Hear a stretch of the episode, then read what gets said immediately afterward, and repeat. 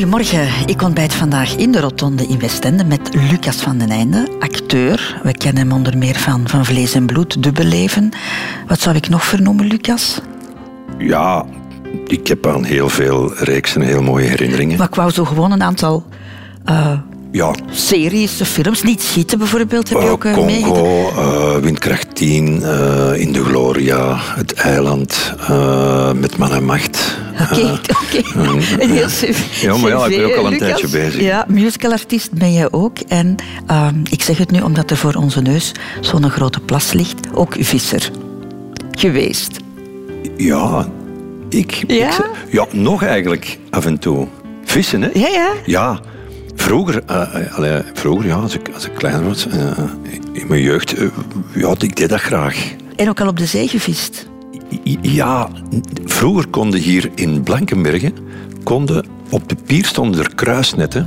En dat konden, eh, per uur konden dat zo'n kruisnet huren. En dan kon dat zo laten zakken in de zee. En dan even wachten en bovenhalen. En af en toe eh, lag er dan een visje in te spartelen. En kon dat met zo'n lang schepnet eruit halen. Dus je hebt het al gedaan. Dat heb ik al gedaan. Maar echt op, met een boot op de zee heb ik nog nooit niet gedaan. Nee. Welkom in de Rotonde. Dank je wel. Goedemorgen, Christel. Radio 2. De Rotonde met Christel van Dijk. Lucas van den Einde, we gaan vanochtend jouw persoonlijke wegenkaart eh, eens bekijken. En vooral de afslagen die je daar opgenomen hebt, alle beslissingen. Eén ding kunnen we wel zeggen, en daar gaan we het straks uitgebreid over hebben, Lucas. Maar de weg die eigenlijk uitgestippeld was voor jou, die heb jij verlaten. Ja, dat klopt. Je was eigenlijk oorspronkelijk voorbestemd om, om, om slager te worden, maar jij kiest... Ja, eh, om het edelberoep van slager voor te zetten. Want mijn vader die had een zaak, een slagerij. Maar kan ik daaruit besluiten, ehm, Lucas, dat jij niet altijd de gemakkelijkste weg kiest in het leven? Goh, ik volg mijn hart, denk ik. En dat is dan dikwijls niet de gemakkelijkste weg. Maar ik volg mijn hart. Of mijn ziel, hoe dat je het wilt benoemen. Kan je zeggen dat je al bij al tevreden bent met hoe jouw leven verlopen is? Oh ja, ja. Zeker. Niet alleen voor mezelf, maar ook voor de- vooral voor, voor mensen die ik heb leren kennen. En, en, en, en emoties. eh, en dingen waarvan ik dacht dat, ver van mijn, dat het te ver van mijn bedshow was. En die dat ik dan toch heb kunnen doen of mogen doen. Ja, als ik daar een optelsom van maak, dan... eh, ja, dan ben, ik, dan ben ik een hele gelukkige mens. Je klinkt ook heel erg dankbaar als je dit zegt. Ja, maar ik ben ook dankbaar en verwonderd iedere dag opnieuw. De verwondering blijft. Ik heb eh, heel veel over jou gelezen ondertussen, Lucas. En ik had daarbij de indruk, maar je mag mij verbeteren als het niet zo is, dat nostalgie jou zeker niet vreemd is. Nee, nostalgie is me zeker niet vreemd en dat heeft mij zelfs een tijdje enorm parten gespeeld. Melancholie, nostalgie. Maar ik moet zeggen, met het wat ouder worden is dat, is dat wat gemilderd. Maar nostalgie kan ook fijn zijn. eh, Ja. En dat gaan wij dus vandaag, of wij de Ja, komende twee uur doen. uiteraard, we gaan heel veel terugkijken naar jouw eh, jeugdjaren, uiteraard ook. Maar we gaan eerst jouw Wikipedia-pagina een remake geven, beste Lucas. Eh, nu staat er dit op te lezen. Lucas van den Einde, Lier, 23 februari 1959, is een Vlaams acteur. Voilà, en dan een heleboel dingen over jouw professionele leven, maar eh, we komen niks te weten over eh, jouw anonieme leven. Toen jij nog een, een, jonge, een jonge man was, een, een tiener was, eh, nog niet bekend. Dus ehm, toch een belangrijke periode in jouw leven, uiteraard, die jeugdjaren. En daarom hebben we Han Koeken jouw Wikipedia-pagina een beetje laten aanvullen. Lucas van den Einde is geboren op 23 februari 1959 te Lier.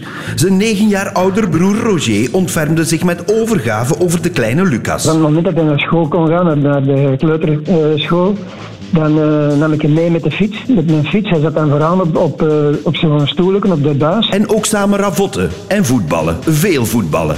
Buiten, maar helaas voor de meubelen en het huisgerief ook binnen, lacht broer Roger. Dan af en toe gebeurde er een ongeluksje natuurlijk. En, en dan stond er ineens eh, een postuurtje zonder koppel op de kast of zo. En, en al die wie heeft dat gedaan? Ja, niemand had dat gedaan natuurlijk. hè. Lucas was een jongen met een aparte verbeelding. Dat ontdekte broer Roger toen plots een hele hoop soldaatjes waar hij vaak mee speelde verdwenen waren. Echt onvindbaar waren die. En, en uiteindelijk bleek dat onze Luc die met een hamer in onze, in onze gazon had geslagen. Dat waren zogezegd de slechte. En eh, ik kan u zeggen, hè, dat het gros daarvan hebben we nooit meer teruggevonden. Hè. Ook jeugdvriend Bart Verswijvel kon meermaals genieten van de fantastische hersenkronkels van Lucas.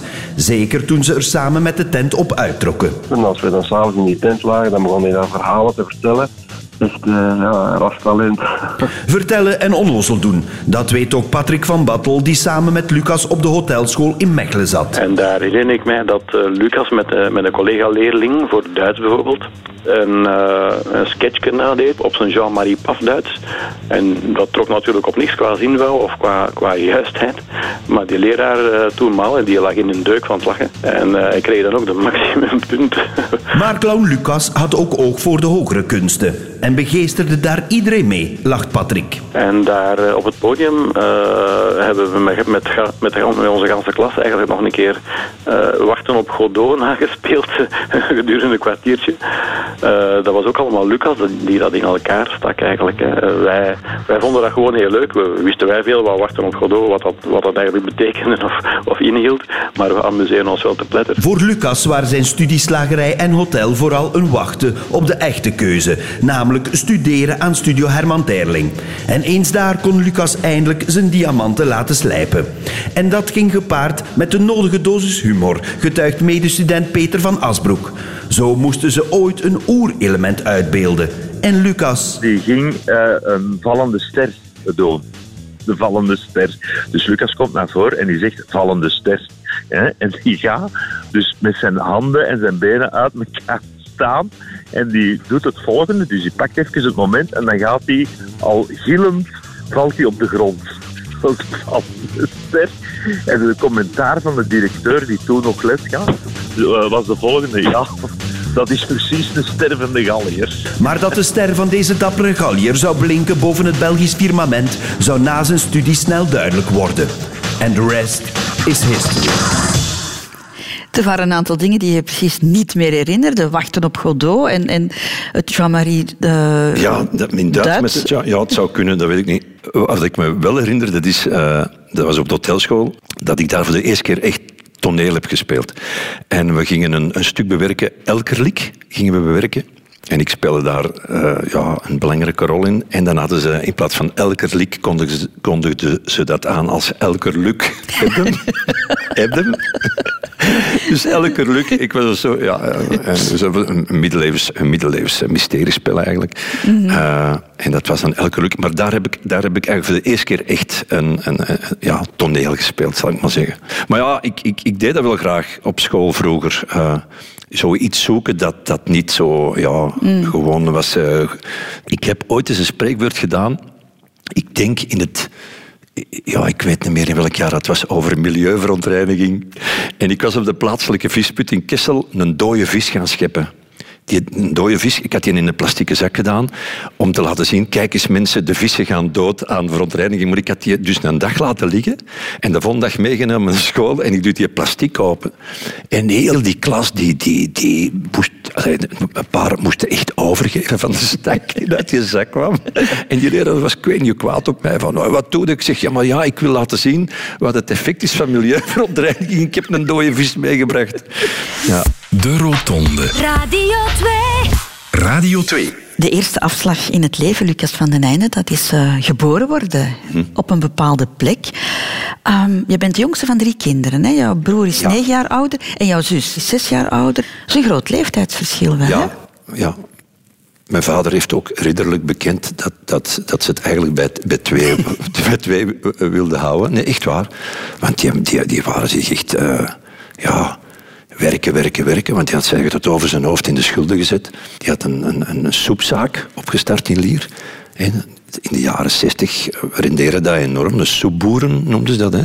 Die reden met soep rond. Hij deed de ronde in Lier en mijn, mijn, mijn moeder deed Lier en omstreken. Dus er kwam nog een derde, maar dat, die werd met veel liefde ontvangen. Hè. Ik heb nooit niet, niet gemerkt dat ik niet welkom was. Of zo. Maar je was een verrassing. Maar ik was een verrassing. En dan heb ik eigenlijk... Uh, ik heb een heerlijke jeugd gehad. Ik heb een fantastische jeugd gehad. Een onbekommerde jeugd. Wij woonden aan de rand van Lier. En dat was toen echt nog de buiten.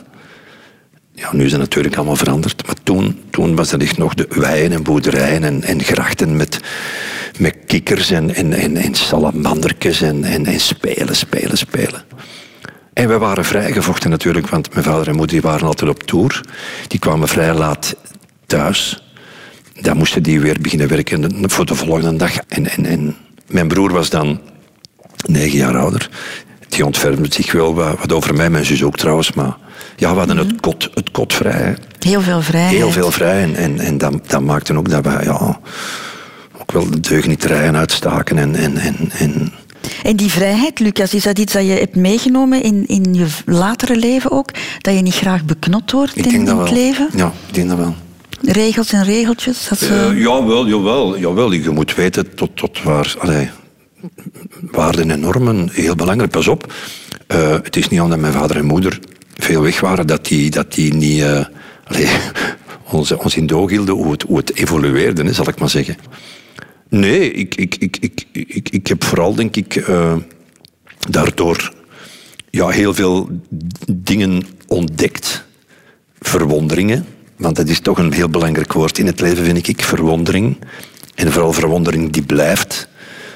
En ik, ik, het was een goed nest. Hè. Ik had alles, er kwam niks tekort. Een heel warm nest. En heeft dat vele buitenspelen en, en, en eh, ja, die, die, eh, die vrijheid, heeft dat jouw fantasie ook, ook aangescherpt, denk je? Allicht wel, want wat, me, wat ik wel heb gemerkt op al die jaren, dat je toch ook in, in je, je spelen of bepaalde situaties, eh, is het nu fictie of het, of het is theater, dat je toch teruggrijpt naar bepaalde situaties die je zelf hebt meegemaakt vroeger en je geeft er een andere wrong aan.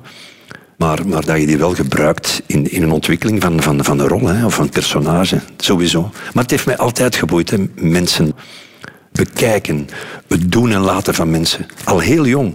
En dat was niets dat geforceerd was. Ik had dat gewoon. Als ik in een station eh, een trein moest pakken en ik moest een kwartier wachten, ik ging op een bank zitten, ik keek naar de mensen en wat, met wat dat die bezig waren. En ik ging daar verder in en dan denk ik, oh, dan is dat aan het doen. Oh, wat zou die nu aan het denken zijn? Oh, dan is, die is precies ruzie aan het maken. Oei, er, er gebeurt iets. Ik, had, ik wist altijd in een straal van, pak weg, 20, 30 meter wist ik perfect waar dat de mensen stonden en, en wie dat er voorbij liep. Ik was daar nogal door gebiologeerd. Een observator Ja, op een of andere manier. Ja, veel geobserveerd. En dan, Wat wilden jouw ouders jou nog meegeven in het leven? Wa- mijn ouders, allebei oorlogskinderen. Hè. Vooral mijn vader was, was nogal getekend door de oorlog. Die was 13 jaar toen de oorlog uitbrak. Die hadden toen een slagerij in Kessel. En eh, die heeft dat allemaal redelijk eh, aan de lijve ondervonden ook. Hè. Eh, De voedselbonnen, de armoede van mensen, mensen die honger hadden. Ze zijn ook gaan vluchten. Weliswaar tot, tot in de Westhoek. En dan zijn ze teruggekeerd omdat ze daar dan werden geïnformeerd dat het... eh, dat het niet gevaarlijk was om, om, om terug te keren. Ja, vooral een, een, een soort nederigheid, denk ik. Ten opzichte van heel veel dingen. Dat je iets moest, moest doen, dat dat niet allemaal vanzelf kwam. In het leven, eh, ook financieel, dat je met geld moest, moest kunnen omgaan. Dat je iets moest leren waar je je kost kon mee verdienen. Maar de momenten dat ze er dan wel waren, dan waren ze er ook. Die alleen je voelde enorm veel eh, genegenheid en, en, en er was een familie. Er was echt een familie. Toen jij negen was, eh, dan namen ze de slagerij van, je, van jouw grootvader over. hè? Ja, mijn vader had dan ja, genoeg gespaard, zal ik maar zeggen, om, om een, een eigen slagerij te openen in Kessel. Dus heeft het ouderlijk huis, hè, het huis van zijn, van zijn ouders, heeft hij, eh, op diezelfde plaats heeft hij een, een, een nieuwe slagerij gebouwd. En zijn wij verhuisd van Lier naar, naar Kessel.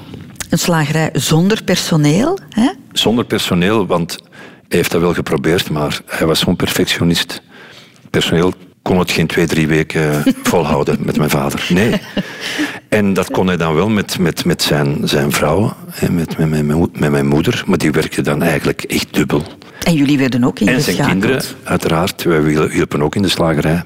Ja, en het is uw eigen vader, dus die, ja, die kon wel eens iets meer, meer zeggen tegen, tegen zijn kinderen. Maar jij, jij- jij weet dus al van op jonge leeftijd wat werken is. Jawel, ja, ja. In de slagerij. eh, vooral de vrijdagavonden waren. eh, dat was alle hens aan dek. Ik hielp dan met mijn broer. En dat waren de grote voorbereidingen naar het weekend toe. En dat werd dan afgesloten met echt een, eh, een hele grote kuisbeurt, zal ik maar zeggen, van een atelier van de, van de ijskast van de frigo. Heb je daar ooit op, op, op tegengestribbeld? Van, Nee. nee, nee, Nee, je deed want- dat vrij graag. Ja, ik deed dat omdat ik had daar eigenlijk ook wel, eh, zal ik zeggen, voldoening van. Als je zo om een uur of half één, één uur s'nachts het licht uit doet in het atelier en dat, staat er allemaal te blinken en je trekt die frigodeur open en al dat vlees is mooi versneden, die salades zijn gemaakt. eh. het laatste ritueel bij ons was altijd de rookkast in brand steken. Allee, ik bedoel, de, de, de, het zaagsel, dat moest, dat moest beginnen smeulen. Hè. Dat was een, een stuk gazettenpapier. En, en als je dan s morgens vroeg die eh rookkast opendeed, er gingen dan hammen in en, en ossenvlees. Dan blinkte dat nog en dat was dan nog warm, doorrookt. En dat, als je daar dan een paar sneetjes van, van, van afsnijdt en je deed dat op, op een krakende pistolet met wat goede boter, dat is, straffer dan, dan een drie gangen menu in Tof van Kleven, echt waar.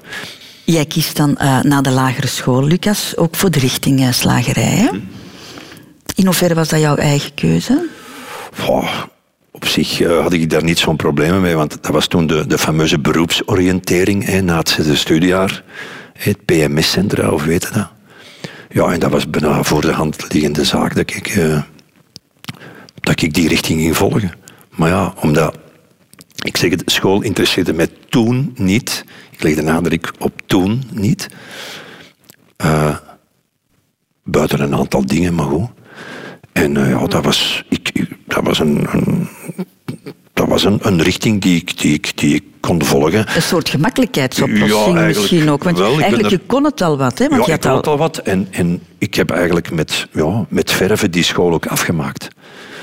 Ik, eh, ja, dat ging mij ook goed af. Ik, eh, ik, ik was een hele goede uitbeender. nee, serieus. Ik was gebiologeerd door, door, door de anatomie eigenlijk van een dier. En hoe dat je dat eigenlijk uit elkaar kon halen. En dat die werveltjes in elkaar zaten, dat konden perfect op het vlies uitbenen. Dat was eigenlijk allemaal heel schoon. Een nierbed bijvoorbeeld. Een nierbed. Dat is zo'n groot, grote kwap vet en daar zit die nier in. Dat is fantastisch gewoon om te zien. Mhm. Maar was dat uitdagend genoeg voor jou, die opleiding?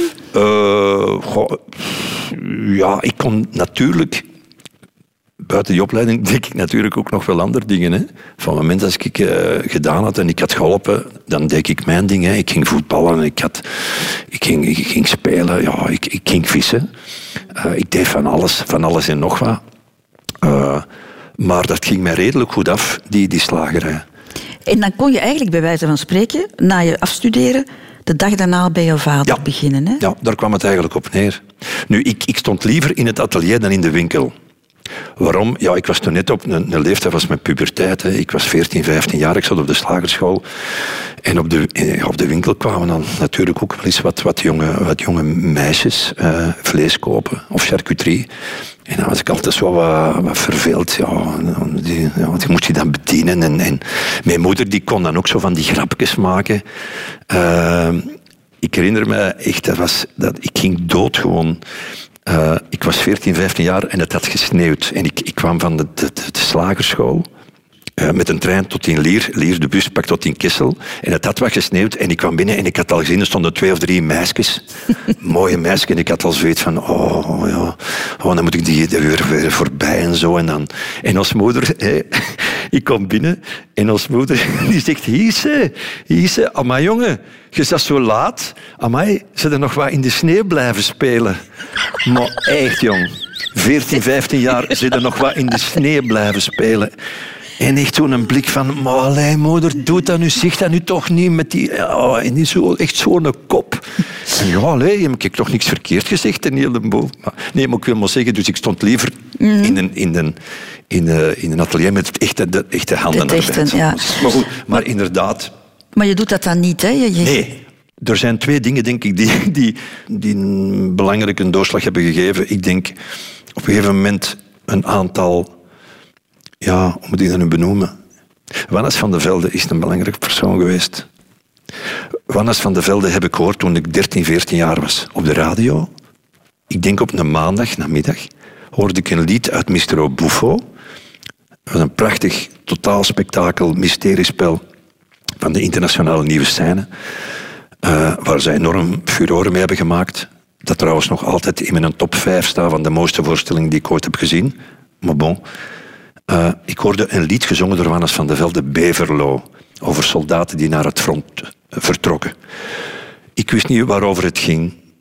Ik hoorde dat lied en ik weet dat ik toen drie minuten lang totaal ja, het warm en koud kreeg tegelijkertijd. Ik voelde een soort emotie door mijn lijf gaan.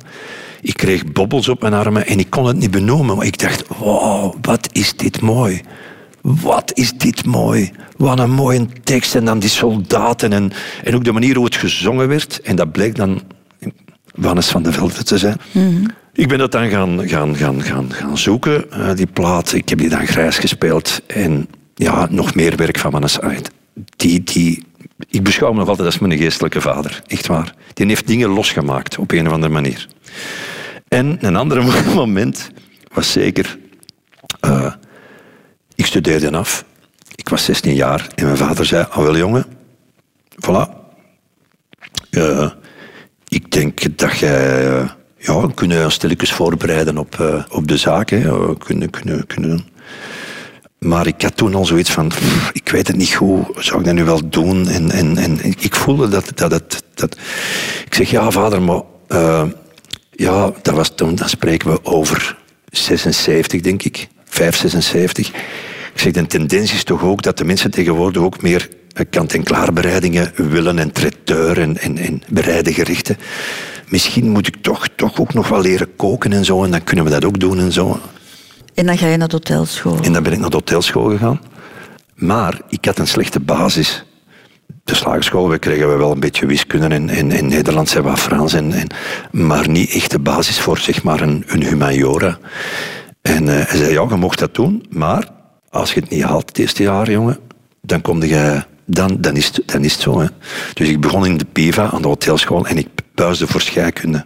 Dus mijn vader zei, vooral jongen, nu kan het niet anders. Hè. Kom mee in de zaak. Ik wist het niet goed, er was van alles aan het gebeuren. Ook in mijn kop. Ik, ik, was onrustig, ik dacht, dat klopt dan iets niet. Ik dacht, dat kan niet.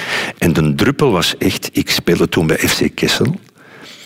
En ik was een, een balken aan het opwarmen. En mijn vader sponsorde de club met zo'n pancarde rond het veld. Beenhouwerij, charcuterie, Gaston van den Einde. Hè? Specialiteit. Hè? En ik, ik zag dat er een nieuwe pancarde was gemaakt. En ik zag staan, beenhouwerij, charcuterie, Gaston van den Einde en zoon. Ik dacht, en zoon? Ik zeg, wat maar die zoon, dat ben ik. ik. En ineens stond ik met mijn, met mijn voeten op de grond. Ik zeg, ja, inderdaad, dat ben ik. ik. Ik ga die zaak nu overnemen. Ik ben de volgende generatie van de Van den Eindes die, die die slagerij gaat overnemen. En dan, dan is er van alles gebeurd. Ik heb me dan zelfs nog in een, in een paniekreactie bijna laten inschrijven aan de verplegerschool in Lier. Maar dat moet nogal een verwarrende periode Heel verwarrende periode. En dan ben ik toch via via... Dat die, ik weet niet hoe het gebeurd is. Dat ze zei, ja, je kan eventueel je jaar opnieuw doen, hotelschool in Mechelen. En daar is het heel goed gegaan. Radio 2.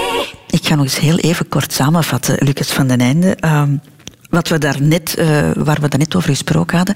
Jij was voorbestemd om slager te worden. Iets in jou eh, zei van dat voelt niet goed aan. En jij hebt dan ja, wat, wat tijd eh, proberen te winnen door een hotelopleiding te Ja. volgen. Dat Ja. klopt, hè, om niet meteen te grote beslissingen te moeten nemen. Ehm, je zat daar graag, hè, dat heb je ook gezegd. En dat ging allemaal goed.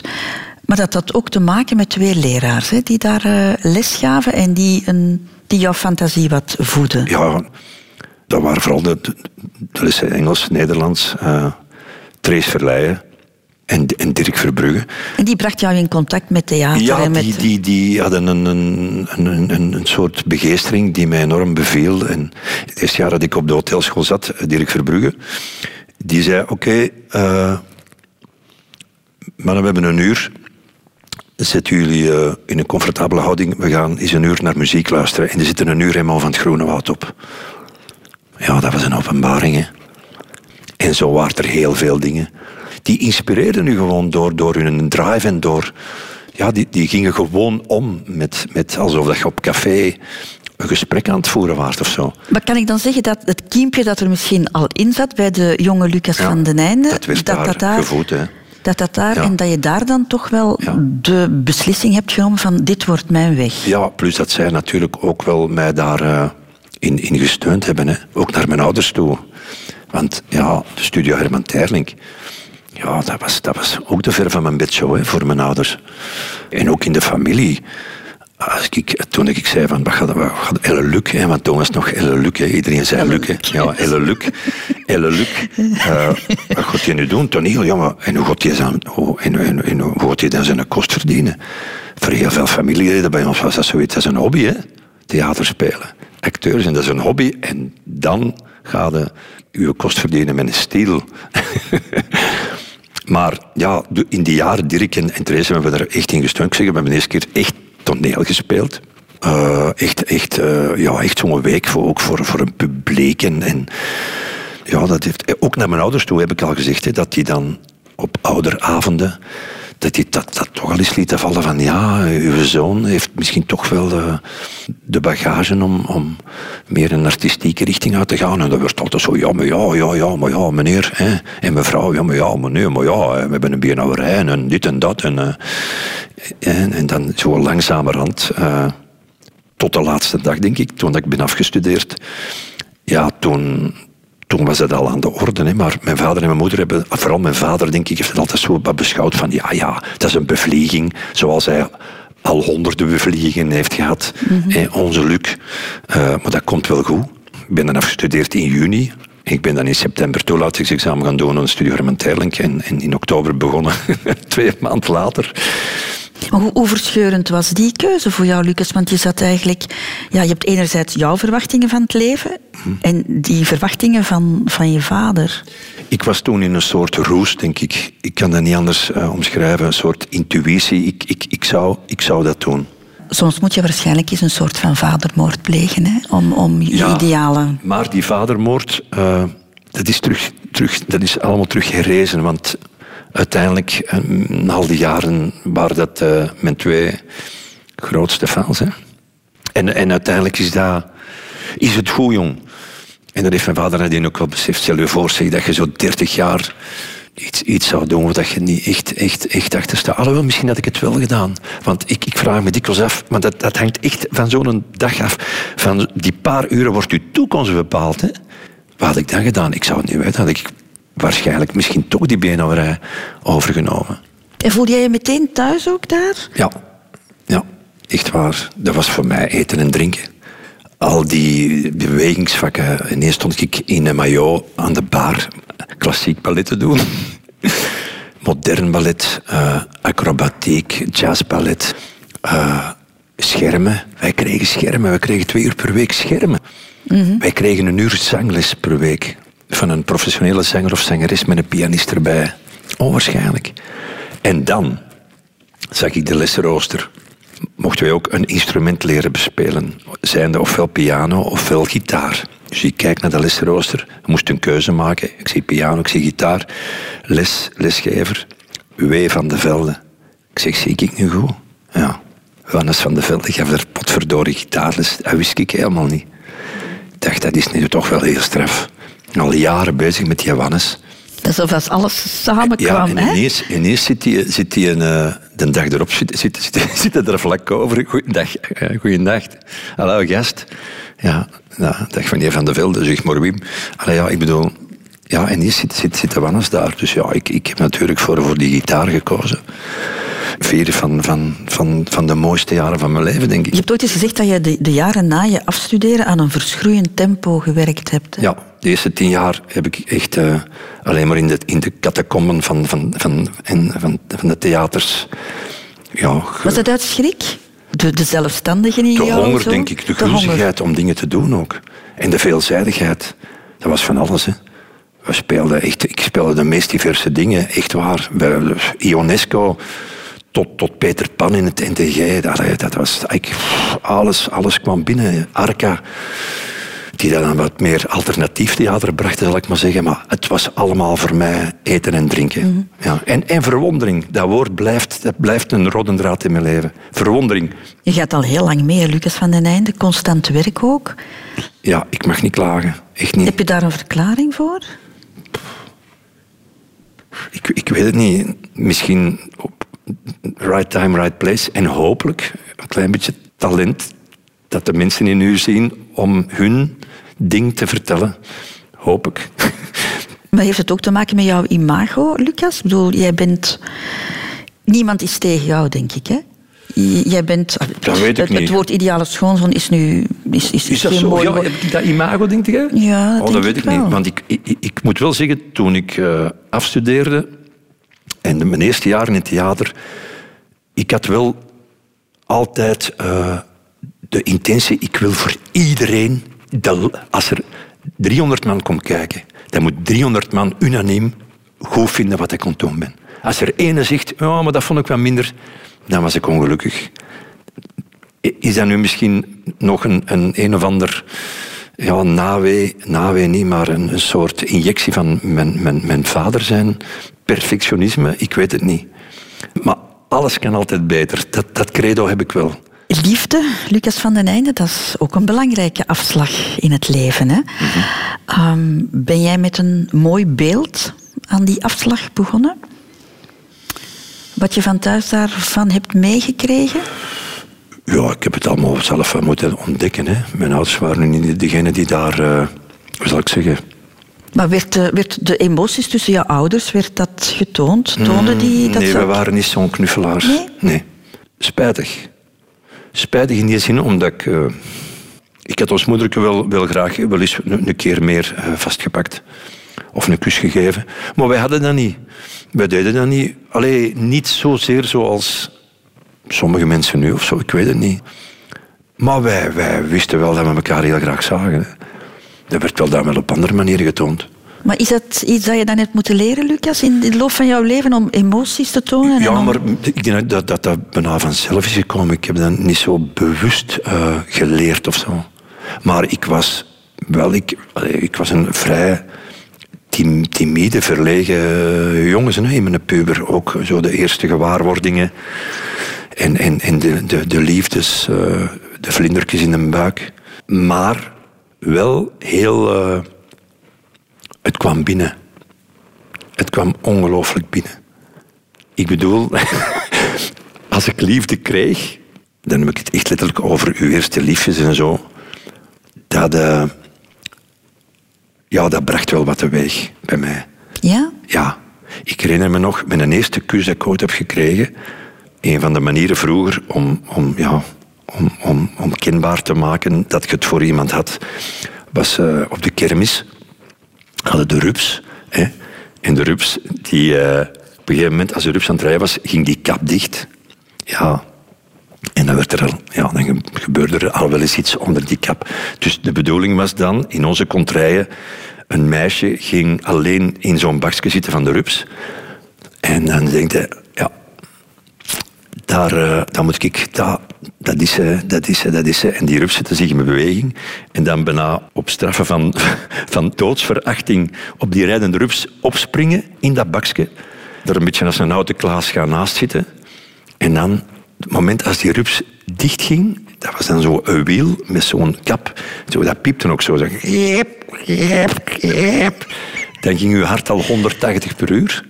En dan werd dat, was dat pikken donker. Ja, en, dan, en daar heb ik de eerste keer eh, een kus gekregen van een meisje dat, waar ik smoor verliefd op was. Ik had nog nooit gekust. En ik weet, ik wist niet wat ik moest doen, dus ik, ik deed maar iets. Hè. Ik met mijn lippen zo wat zoeken. En die, die kwam met haar lippen naar mij en die zei, die zei tegen mij... Zeg, doe je mond eens open. Echt waar. Dat vergeet ik nooit. Maar ook, ook, zo, ook zo gebiedende wijs. Zeg, doe je mond eens open. Dus ik, ja, ik deed mijn mond open, ja, vlam. Ja. En, en ik, ik, ik weet, ik stapte uit die rups en ik was niet meer van de wereld. Ik weet dat die muziek slow motion was. Dat was zo... Ik was helemaal verdoofd. Maar dat kwam binnen, dat bedoel ik mij, dat kwam binnen. Dus het, het was wel een enorm gevoel. Straf, strafgevoel. Allee, zo emotioneel, jong. Ja, ja, dat vond ik wel een heel strafgevoel. Was jouw liefdesverdriet dan ook zo? zo eh, Ja, ja, ja, ja ik, kon, ik kon me wel wentelen in mijn verdriet. Daar hebben we het straks ook over gehad. Hè. Melancholie en mijmering. En wat, dat is ook wel een beetje een cliché, maar weet je, als je dan zo later eh, mensen tegenkomt die dat je hebt gekend, dames hè, of meisjes toen in een tijd, die dan, dan zeggen, jongen, als jij toen tegen mij had gezegd, hè, mama hadden kunnen krijgen, hè, dat ik denk, maar hoe kan dat nu? Waarom heb ik dat dan nooit niet gezien of zo? Dat die, waarom heb je dan geen... geen allee, zou je dan niet dat ik verliefd was op u of zo? Dan, en, maar dan denk ik, nee, nee, of, of ik durfde niet, of ik weet niet wat. Ja, we komen ook nog uit een tijd, hè, Lucas, Ja, maar dat ja. de jongen het initiatief moest nemen. Ja, hè? ik weet het. En we hadden maar... Allee, toen was dat hè, de kermis, de rups, maar later was dat bij ons een bamba hè, op de fave. Als de bamba kwam, dat was alle eens aan dek. Als ik nu aan mijn dochter vertel wat een bamba is, die zegt, wat blieft. Ja, schatje, een bamba. Dan werd er eh, het lied La Bamba gespeeld. Iedereen ging in een kring staan. En dan mocht er een jongen komen, die mocht een meisje kiezen, drie kussen geven. Dan mocht dat meisje weer een jongen kiezen. En dan was, dan was het een kwestie van rap te zijn, want dan speelden ze drie slows naar elkaar. En dan maken dat je dat, je, dat, je dat meisje had. Maar voordat je het wist, lag die al lang met een andere te slowen. Ja, en was het weer naar de bom. Hè. Dan, en, en dan, ja, dan ging dat maar aan de kant met pintjes staan. Maar eigenlijk was het toch gemakkelijk, Lucas, want de regels lagen redelijk vast. Ja, dat is waar. Maar dat neemt niet weg dat je natuurlijk, ja, dan heb je daar nog de keuze in of dat je daar echt eh, gebruik van maakt, van die regels, en doorgaat, of, of dat je een beetje... Want alleen mijn eerste liefje, zal ik maar zeggen, die was zich wel bewust. En, en ik weet dat er momenten zijn geweest dat het zover, zo weinig heeft gescheeld. Of we waren naar bed gegaan. En in die periode is, is dat... Ja, ik, ik, ik, ik had schroom, ik durfde, ik, ik, kon... Maar achteraf denk ik natuurlijk... Die gaf zo'n brede signalen. Maar, maar, maar ja, je waart bang. Ik weet het niet, bang, te emotioneel. Ik, ik weet het niet. Terwijl je eigenlijk misschien niks lever had van... Maar ja, Kan ik zeggen dat jij toch meestal kiest voor, voor duurzame relaties, Lucas? Nee, want je bent al heel lang samen met je vrouw nu. Je hebt daarvoor ook twee keer een, een, een, Ja. een lange relatie gehad. Ja, en, en ook denk ik, ik, ik geef het dan ook wel alle kansen. Ook al heb je misschien na, na een aantal jaar al het gevoel van, bewust of onbewust van, hmm, ik weet het niet goed. Ja, dat is natuurlijk iets, Christel, dat kan je, nu, je hebt dat voor een deel in, in de hand, maar niet, niet helemaal. Hè. Ik ken mensen die vanaf hun 14, 15 jaar iemand zijn tegengekomen die dat er, die er nog altijd nog altijd eh, perfect mee, mee, samenleven en, en, en, gelukkig mee zijn en dat weet ik allemaal. Soms is het leven wat te kort, denk ik, om, om, dat, om dat tegen te komen. Eh, heel belangrijk, denk ik, bij Sofieke, ik was toen, denk ik, oud ik was net na Congo, 38 of 39. Zij was, of is 13 jaar jonger. ik stond er niet bij stil eigenlijk. Want zij was vijf, 25, denk ik. Ja, 25. Maar is jong. Dus ik, ik weet nog, ik kwam thuis met, met Sophie en mijn vader. Die was even naar het toilet. En mijn vader die keek naar mij en die zegt zo... Luc, die is jong. Die is jong. en ik had er eigenlijk... Ik zeg, oh jong. Ik had er niet bij stilgestaan. Ik zeg, oh, die is 25 en ik ben 38, zo wat. Nee, maar ik wil maar zeggen... En, en tot hiertoe wat dat heel belangrijk is, denk ik, maar ja, wie ben ik? Hè? Dat is heel belangrijk in een, in een relatie, denk ik, is dat je je eigen kunt blijven. Dat je vooral je eigen kunt blijven. Ik denk dat dat een goede sleutel is om, om met twee lief en leed te delen. Want als, je, als ene zich wat minder goed in zijn vel voelt, dan wordt dat een hele moeilijke bal. Hè? Geven en nemen, goed, maar je moet ook wel eens iets nemen voor je eigen, denk ik. En dan geef je heel veel, dan geef je des te meer. Hoe lang zijn jullie nu samen? Ja, ik denk eh, ja, een dikke 20 jaar, 21 jaar. We zijn ook nu 15, 19, eh 14 jaar gehuwd. Getrouwd, ja. Kinderen. Jij hebt er Twee. twee. Ja. Het eerste op jouw 44ste. Ja. Dat is het voordeel van een man, hè? Jij, een man kan langer twijfelen en uitstellen, hè? Ja, maar daarvoor heb ik het niet gedaan hoor. Om, om, ik bedoel, met de gedachte van ja, ik kan ook nog op mijn 60 een, een, een, een kind. Maar nee, ik kwam Sofieke tegen en, en ja, dat was, of dat is een van mijn beste ontmoetingen ooit geweest. Op de luchthaven trouwens. En eh, dat was. mm, de juiste bewoordingen zal ik toch nooit vinden, maar ja, dat, dat, dat was het. Hè. Ik, ik voelde, dat is de madame van mijn leven. Dat is raar, hè, dat je Dat dat, is raar, voelt, hè, ja. ja. En toen is er wel een periode geweest, maar dat had niks met Sofieke te maken. Mijn moeder overleed in 2001. Dus Sofieke had die ook nog wel even gekend. Een jaar of twee, drie zeker. En eh, dat, was een, dat was een slag. Ons moederke weg. Dat deed pijn. Maar ik had tot dan al ook redelijk wel wat gedaan. Veel gewerkt, maar met plezier. Maar ik zat ook wel wat op mijn tandvlees. Ook emotioneel. Eh, en er was iets aan het sluimeren in mijn lijf. Dat klopte iets niet. Ik begon ook last te krijgen van mijn stem. Ja, er, er was van alles aan de hand met mij. En Sofieke had het ook gezegd, wat is er toch? Ik zeg, ik weet het niet, ik voel mij... Ik weet niet wat ik heb, ik kan het niet uitleggen. Maar ik heb last van mijn stem, ik heb last van mijn stem. Oei. Ik ga naar een dokter. Ik ga naar een dokter, die onderzoekt mij en die zegt, oh, meneer Van den Einde. Ja, jij werkt, God is op vakantie. Dit en dat, en dan is dat voorbij. Toen zijn wij een week naar een tante van Sofie geweest, die woont in Tenerife. Dat was op zich wel te doen, maar ik, ik sliep slecht. Het ging niet, er klopte iets niet. Ik sliep slecht. Er zat, was, ik kon niet duiden. Kon niet duiden. Die keel, dat deed pijn. Ik, ik, dat was vervelend. Ik sliep niet. Toen heb ik een periode gehad dat ik, ja, ik zeg nu, zes weken, vier weken, ik weet het niet meer, niet geslapen heb. Ik kon niet meer slapen. En ik fixeerde mij zo op dat slapen, dat ik geen, geen oog dicht deed. Dus ik had allemaal rituelen, de wekker, en, en, en ik keek om het half uur, ik raakte in slaap en ik, het ging van kwaad naar erg. Ik raakte uitgeput. Die keel begon parten te spelen. We hadden de pilot opgenomen, een proefopname van het eiland, waar dat we dan drie maanden later aan zouden beginnen. Dat kwam altijd maar dichter en dichter. Ik raakte meer en meer in paniek. Ik kon niet slapen, er was iets met mijn kop. Ik kon het niet uiten, ik was mezelf niet meer. Wat later een depressie zou blijken.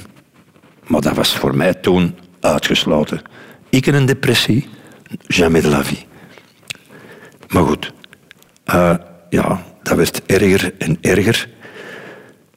Ik hield alles nog staande wat ik staande kon houden. De eerste opnamedag van het eiland kwam. Ik ben daar doorgesparteld. Ik was kapot. En ik, ik, ik dacht, ik, ik, ik moet nu drie maanden gaan draaien. Ik kan dat niet. Dus ik ben gecrashed. Ik, ben, ik heb naar de Jakenele gebeld. Ik zeg, Jan, ik kan niet meer. Ja, Luxke. ik heb het gezien. Wat is er? Ik zeg, ik weet het niet, jong. Ik weet het niet. Ik zeg, maar het gaat niet. Ik kan niet komen draaien. Het gaat niet meer, jong. Maar wat is er? Ik zeg, ik weet het niet. Oké, ik zeg Dirk van Dijk. Beeld naar Dirk van Dijk. Ik zeg, ik denk dat dat de perfecte personage is om mij te vervangen. Want jij ging eigenlijk Ik ging niet normaal Michel Dret spelen, hè, de, rol Ja. van Dirk. Maar goed, Dirk heeft dat op schitterende, schitterende manier ingevuld. Die kon, die heeft dat dus ook kunnen doen. Dat was al een pak van mijn hart, die kon verder. Met pijn in het hart, want heel die ploeg begon aan het eiland te draaien en ik was er niet bij. Maar ja, ik zat met mijn slaapprobleem. Ik, ik zat met, mijn, met, met muizenissen in mijn kop. Ik ben gecrashed. Die keel werd, werd, werd pijnlijker en pijnlijker. Ben ik terug naar een specialist gegaan. Die onderzocht dat en die zei tegen mij... Ja, meneer Van den Einde... Ik, ik, je hebt iets op uw valse stemband. Een soort gezwel. Maar ik kan niet zien of het goed of kwaadaardig is. Knal. Ja, mijn wereld stortte in. Hè. Ik, was, ik was ju- juist 40 jaar. Ik dacht, ja, ik heb het om een pannen. Ik weet nog, dat was op de planten Ik kwam uit dat gebouw en ik zwijmelde echt. Ik zwijmelde omdat ik dacht, het is, het is gedaan met mij. Het is gedaan. Ik heb kanker of ik weet niet, of ik ben... ben ik heb een... ja. Sofieke, jongen, rustig, kom. En een tweede opinion, een derde opinion. En dan ben ik naar Leuven gegaan, dan hebben ze dat onderzocht. En dan ben ik in de goede handen gevallen in het Middelheim van dokter Schmelzer en eh, Sophie de schepper, zijn assistente. En die heeft mij direct gerustgesteld en heeft gezegd, nee, nee. Nee, nee, dat is niet, eh, dat is niet kwaadaardig. Laat uw maag eens onderzoeken. Mijn maag? wat heeft mijn maag ermee te maken? Laat uw maag maar eens onderzoeken, want ik denk dat ik weet van waar dat komt. Allee, als ik nu één ding goed heb aan mijn, aan lijf, zal het mijn maag wel zijn. Ja. Ik had van Jan, ik had een soort reflux, volwassenen reflux, wat veel te maken heeft met stress en, en, en vermoeidheid. En dat had zijn werk gedaan s'nachts.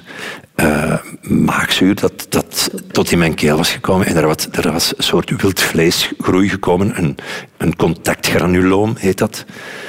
Hij zegt, uh, we gaan dat weghalen. En dan gaat de stem veel beter worden. Dan gaat hij geen pijn meer hebben. Maar ik had ook al weken niet meer geslapen. Dus ik was echt doodop. Inmiddels was ik ook uh, naar de spoed gegaan. Van het UZ hier in Antwerpen omdat ik, ik moest met iemand praten, want ik voelde dat er iets was. ik moet met iemand praten, zei ik. Ja, maar ja, is er iets mee? Nee, ik moet met iemand praten. En dan hebben ze echt iemand, iemand gestuurd. Ik heb daar een uur mee gepraat. Mm -hmm. En die zei, ja, ik denk dat jij toch uh, nog wat langer moet praten met iemand. En dan via mijn schoonmoeder zat ik ineens uh, een paar weken later bij een, een, een psycholoog, mm. een psychiater. Ja. En dat heeft geholpen? En dat heeft geholpen, maar dat, is, dat heeft toch wel een, een, een klein jaartje geduurd. Maar, want het ging over ja? kinderen, hè. Uh, ja, dat is goed gekomen, die operatie. Ik heb van hersteld. Uh, een goede gast. Ik heb dan ook uh, ja, medicijnen, antidepressiva voorgeschreven gekregen. Ik had er een hekel aan. Want dat was voor mij de duivel, antidepressiva. Maar ja, dat zijn ook... Allee, 500 soorten antidepressiva. Maar dat heeft geholpen en ik ben eruit geklauterd en ja, voilà. Het was een signaal, denk ik. Mm -hmm. Dat ik misschien wat te, wat te veel, of ik weet het niet. Emotioneel ook, veel emotie, ja, oké. Okay. Maar, uh, voilà, ik was er dood. En dan, uh, op een gegeven moment, ik weet niet hoe het kwam, was ik met Sofieke bezig en dan heb ik haar ten huwelijk gevraagd. Dat kwam ook zo ineens. Allee, door alles wat we hadden doorstaan. En toen is het, uh, ja, hoe zal ik zeggen, dan, dan zijn wij, dat zijn die kinderen, of, of het, zijn we over kinderen beginnen praten. Dus ik zei van ja, allee, dat is toch, dat is toch wel schoon. En, en, en ik heb daar geen, geen minuut moeten over nadenken, dat kwam gewoon. Want eigenlijk, je wilde er geen, hè? Ik wilde er absoluut geen, maar ook misschien door heel wat er gebeurd was met de wat minder periode, zal ik maar zeggen. En het verdriet. En, en uh, op een of andere manier uh, ja, gloeide er een enorme tederheid tussen, tussen ons, nog meer dan daarvoor. En wel, dat heeft ook niet lang geduurd voor je dat Sophie zwanger was, eigenlijk. Het is nogal wat geweest, hè? de dood van jouw moeder. Jij die, die crasht door haar dood, maar ook door te veel werk. En dan een kind en dan een trouw. ja. Voel je je minder onoverwinnelijk nu, sinds je die periode hebt meegemaakt? Ja, maar ik voelde me daarvoor daarom niet onoverwinnelijk, maar dat was het laatste wat ik zou aan gedacht hebben. En ik begrijp dat en ik kan u verzekeren, het is een van de meest verschrikkelijke gevoelens die ik ooit in mijn leven heb gehad het depressiegevoel. Dat kun je niet omschrijven. Je wandelt in een park en iedere struik, iedere boom lijkt een dreiging te zijn. Dat heb ik echt ervaren. Onheimelijk, je kunt het bijna niet verwoorden wat er, vooral denk ik, in dat koppetje aan de hand is. Voilà, dat was mijn antwoord op uw vraag. Radio 2. De Rotonde. Lucas van den Einde, had je ook de keuze kunnen maken om piloot te worden? oh, graag, graag. Alhoewel. Je bent met dat vliegen begonnen, maar dat is eigenlijk uh, heel toevallig gestart, hè? Ja en nee. Uh, nu, ik was als, als kind altijd wel zwaar gefascineerd door vliegtuigen, echt waar. Ik kan echt zo in de lucht, als je een bak zag vliegen met die condensatiestrepen, zo van wauw. Maar te ver van mijn bedshow, te duur, te moeilijk, te ingewikkeld. Ja, niet aan mij besteed. Maar wel, wel interesse. En uh, na de studio, ik was dan, was ik al een paar jaar bezig, in 6 of 87 uh, las ik een advertentie in de krant van de VZA, de Vlaamse Zweefvliegacademie, die doopvluchten aanboden aan een democratische prijs in Deurne, op de luchthaven van Deurne, op de graspiste. Ik, oh ja, en die prijs, oh ja, oh ja dat wil ik nou wel eens doen. Zweefvliegen, oh, dat moet wel iets heel speciaals zijn zonder motor. Dus ik doe dat, ik stap in, die, in, in dat toestel een instructeur en wij vertrekken en ik ben een uur weg in Antwerpen. Een uur zonder motor. Boven Antwerpen, boven uh, ja, de Noorderkempen, onwaarschijnlijk. En ik stap uit dat vliegtuig en ik denk, wow man, dit wil ik echt, dit wil ik echt leren, dit wil ik kunnen gewoon. Dat was echt een openbaring. Ongelooflijk. Maar wat deed dat dan met jou? Ja, je kunt dat- dat niet uitleggen. Dat is een, ik noem het altijd een samensmelding tussen pure poëzie en techniek. Maar ook techniek, niet zomaar techniek. Hè. Je hangt in de lucht. De thermiek zorgt ervoor dat jij boven blijft. Je moet die thermiekbellen zoeken. Dan stijg je. Moet, moet bochten maken. Dan stijg je een meter, twee, drie meter per seconde. Je blijft uren in de lucht hè, op een goede dag. Dat landen, dat opstijgen, dat volgen achter dat sleeptoestel. Het vliegen zelf, de techniek om te vliegen, oh, dat is zo'n toestel. Want dat is de basis. Hè? Dat zweeftoestel is de basis. Zo werkt ook een Jumbo 747. Hè? Een 747 vliegt evengoed op die techniek. Dat is voor alle vliegtuigen in heel de wereld zo. Ja, ik, en dan ben ik, ik ben begonnen Ja, je, je besluit dan om je bre- om dat te om doen. brevet En, te en- halen. ja, voilà. en dan heb ik op een jaar, denk ik, eh, mijn brevet gehaald, mijn zweefbrevet. Ik heb een theorie gedaan.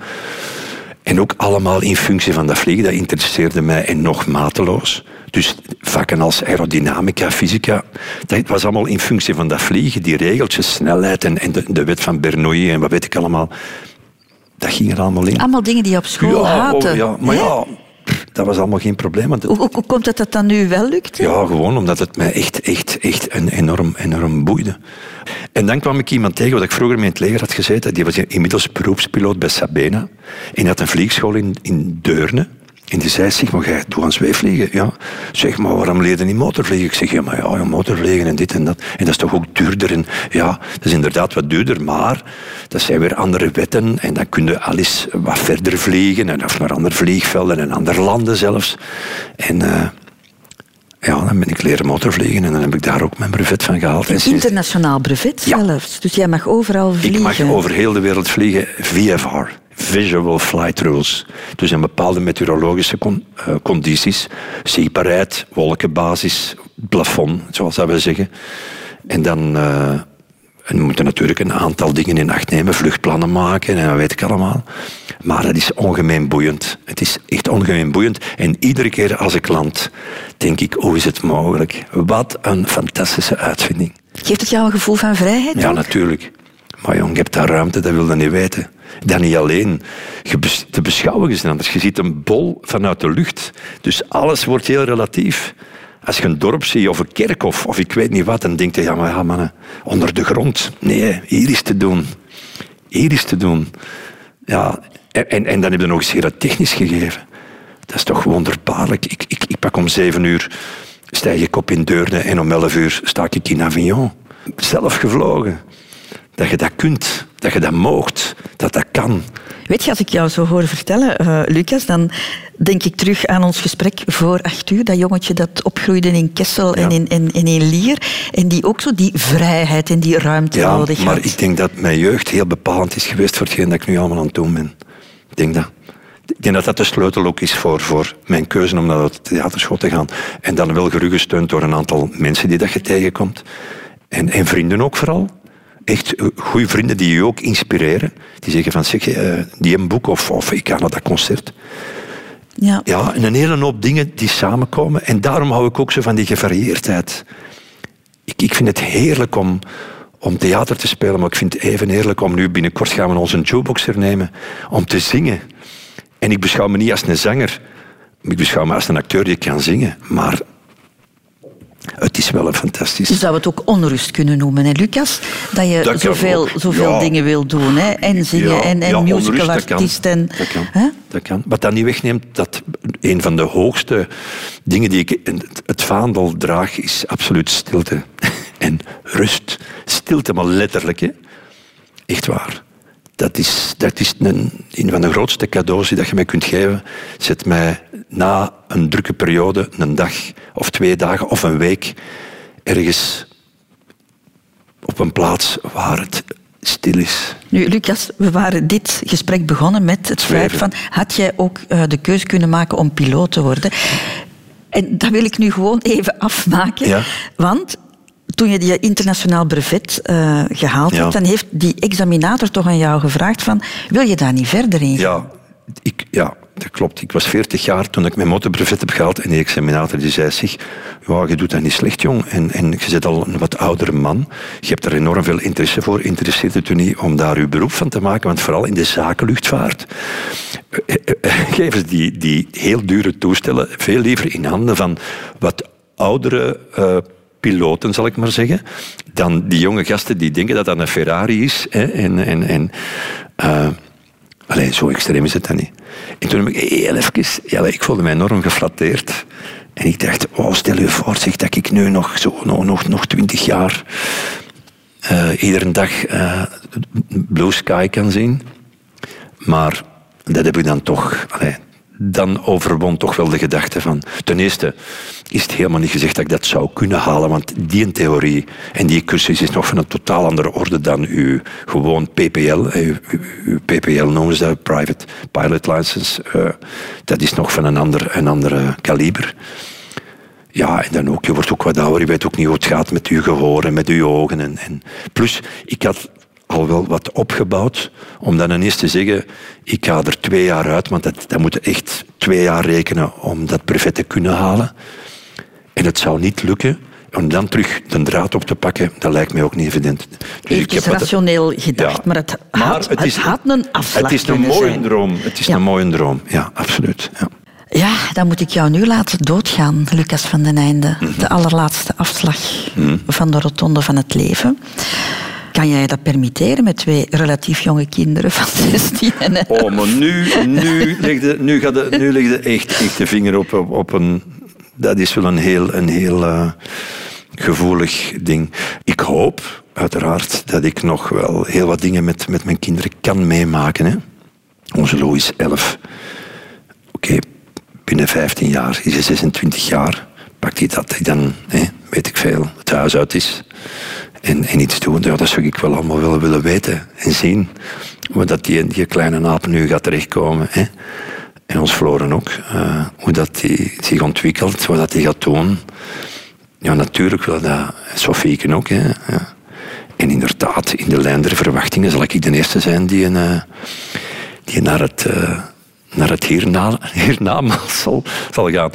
Dat zijn dingen waar je soms bij stilstaat, maar ook niet te lang, want die mannen brengen me back to, to the reality. Hè. Iedere dag opnieuw. Gelukkig. Maar is dat iets waar je schrik voor hebt, eh, Lucas? Schrik. Ik, ik heb niet schrik op zich om het dood zijn of zo.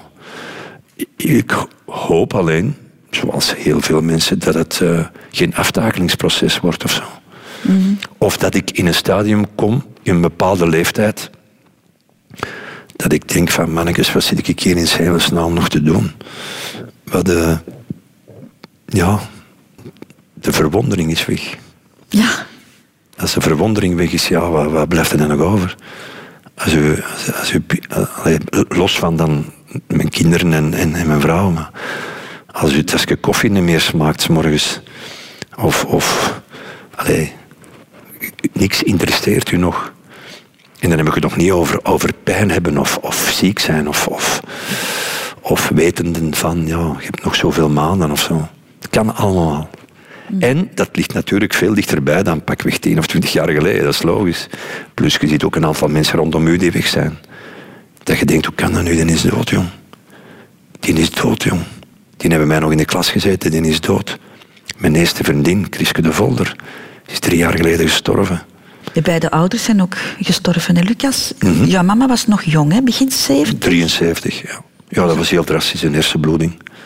In de coma en die, die was weg. Ik heb die nog zo net de spoed zien binnen, binnendragen. Met een hele verwarde blik en een bijna paniek in haar ogen. Zo, wat gebeurt er, wat gebeurt er? En dat was het. Dat is lang geleden ondertussen al wel. En Ja, maar ja, ik, ik zeg het, soms flitst dat binnen. Waarom ligt dat nog zo emotioneel bij jou? Omdat er geen afscheid ge- geweest is? Ja, ik denk dat. ja, zoals alle moeders, eh, was het ook voor mij de liefste moeder ter wereld. Hè? Voor ons allemaal. Mijn broer en mijn zus zeker ook. Het was gewoon echt een, een hele lieve, bezorgde, de goedheid zelf. Heel sociaal, ondanks dat hij zich te pletter werkte en ons een periode heel weinig heeft gezien, omwille van het werk. Maar als ze er was, dan. dan ja, nam ons ook altijd in verdediging. als ons vader ging, dan, eh, dan was zij de, de verzoening. Hè? De verzoening hè? Dat is wel wat, hè? Een, moeder, een moeder die wegvalt. Ja, jammer. Ook omdat, eh, ja, twee jaar later is mijn dochter geboren. Hè? Dat, eh, dat, dat zou die nooit, die, die, die zou niet, niet geweten hebben wat er, wat er gebeurt. Als ik zou gezegd hebben, moederke, Sophie is zwanger, die, die, die, die, die zou... Dat ze daar, was ze daar, zou ze daar die, blij die zou, mee? Oh man, die zou, die zou, die zou echt, dat zou wat teweeg hebben gebracht bij haar. Die zou, denk ik, eh, ik denk dat die kleine meer bij haar zou geweest zijn dan bij ons. ja, echt waar. Ja. Ja. Dat zou wel wat geweest zijn. Daar heb ik spijt van. Ja, en, ja jong, ik weet, het is een cliché, maar het is een, een- iets dat heel dicht bij elkaar hangt, hè, leven en dood. Want in hetzelfde ziekenhuis, amper een verdieping lager, is zij, is zij gestorven. En twee jaar later is, is onder haar verdieping mijn dochter geboren. Ja, Van je vader heb je wel afscheid Ja. kunnen nemen. Die is pas gestorven, hè? ja, ja. Was eigenlijk 92, hè, was hij? 92 en die was echt op, hè. Op. Die eh, heeft zijn eigen goed herpakt na de dood van ons moeder. Want wij dachten allemaal, dat gaat niet goed aflopen.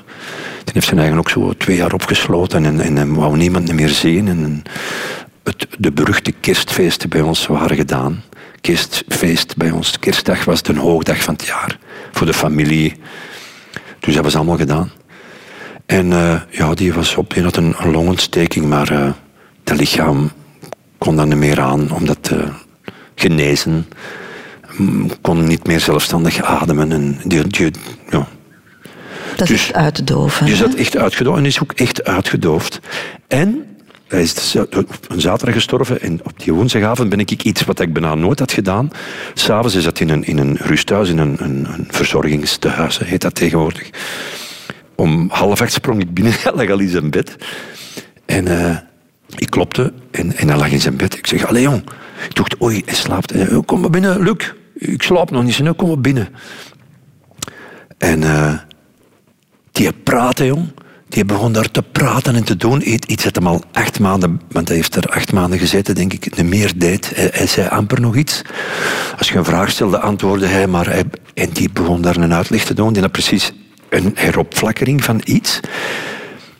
Eh, en ik ging buiten, ik dacht, maar wat verdorie, dat is nu toch wel straf. Dat doet mij nu echt deugd.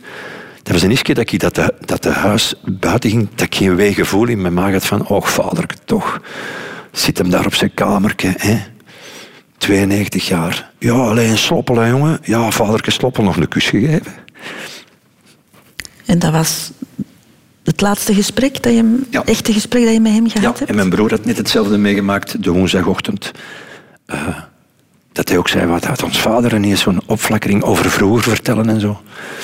Ja, en dan is snel gegaan. eh, en hebben de dokters gebeld de zaterdag voormiddag. Ik denk niet dat het, eh, dat het nog lang gaat duren. En dan waren er alle drie bij. Ja, en dan stopt die ademhaling en dan stopt het hart. Een hart dat 92 jaar heeft geklopt. Oh, 92 jaar, jong. Dat is wat, hè. Ook allemaal verwondering, Christel. Dat is toch ook iets waar ik soms oprecht kan bij stilstaan over, over. Je kunt zoiets, ineens iets fixeren aan je lichaam dat je denkt, maar allee jong, hoe is dat nu toch geconstrueerd, man? En dat is al 60 jaar bezig. Ja, ik weet dat dat klinkt misschien belachelijk, maar het is wel zo. Eigenlijk zouden we dat allemaal wat meer moeten doen, denk ik. De verwondering van, van, van hoe, dat, dat hier... het unieke van, van dat creatieproces hier op de bol, hoe dat alles hier marcheert. Misschien, ja, dat je wat terug wat respect krijgt voor de essentie van, van de dingen of zo. Enfin, nu zijn we aan het filosoferen. Hè. Dat mag op Ja, zondagochtend. ja, mag, mag op een zondagochtend met een krakend pistoletje. Moet kunnen, hè. Ja. Lucas van den Einde, toch ook nog even naar afslag toekomst kijken? Nog heel wat werk, denk ik, voor jou, hè? Eh, ja, er zijn eh, fijne dingen in het verschiet. Eh, we zijn nu aan het repeteren voor een herneming van Jukebox 2020 gaat het nu heten. 100 Nederlandstalige liedjes. Mensen mogen op de avond zelf kiezen welk liedje dat ze willen horen. Nederlandstalig repertoire. En is een, een grote dada van mij. Echt Ja. waar. Een hele grote liefde voor Nederlandstalige muziek. En dan komt er al wat theater op mij af. En een nieuwe serie in het voorjaar ook op Ja, één, GR5 die hebben we nu GR5. net gedraaid. Dat zal waarschijnlijk eh, volgend jaar ergens op één op de zondagavond op de buis komen. Ja. Nog geen tijd om te rusten dus, Lucas. Hè? Nee, maar het is, eh, het is goed verdeeld zo. Ik bedoel, het is, eh, ja, maar goed. Het is weer heel gevarieerd en daar hou ik enorm van. Mag ik jou bedanken, Lucas? Ik vond het heel fijn, eh, een hele eer ook om jou hier aan mijn tafel te hebben. Dat is volledig wederzijds en dat meen ik. En ik ga één ding onthouden, het woord verwondering. Verwondering. Dat was dus het sleutelwoord een beetje in dit gesprek. Ja, misschien wel. Ja. En eh, dat houdt de mens jong, denk ik, als ik naar jou kijk. ja, zolang er verwondering is, is er, eh, is er hoop. Mag ik nog vragen om iets in mijn gastenboek te schrijven, Lucas? Zeer zeker. Dankjewel. Lieve Christel, je hebt me tot tranen toe bewogen in ons gesprek. De Luc van den Beenhouwer gaf een stuk van zijn zieltje bloot, maar dat was met jou oprecht heel graag gedaan. En dit nog. Op de planken moeten staan om proberen ten volle te begrijpen wat er zoal wordt gedaan in dit dal onder de maan. Lieve groet, Lucas van den Einde.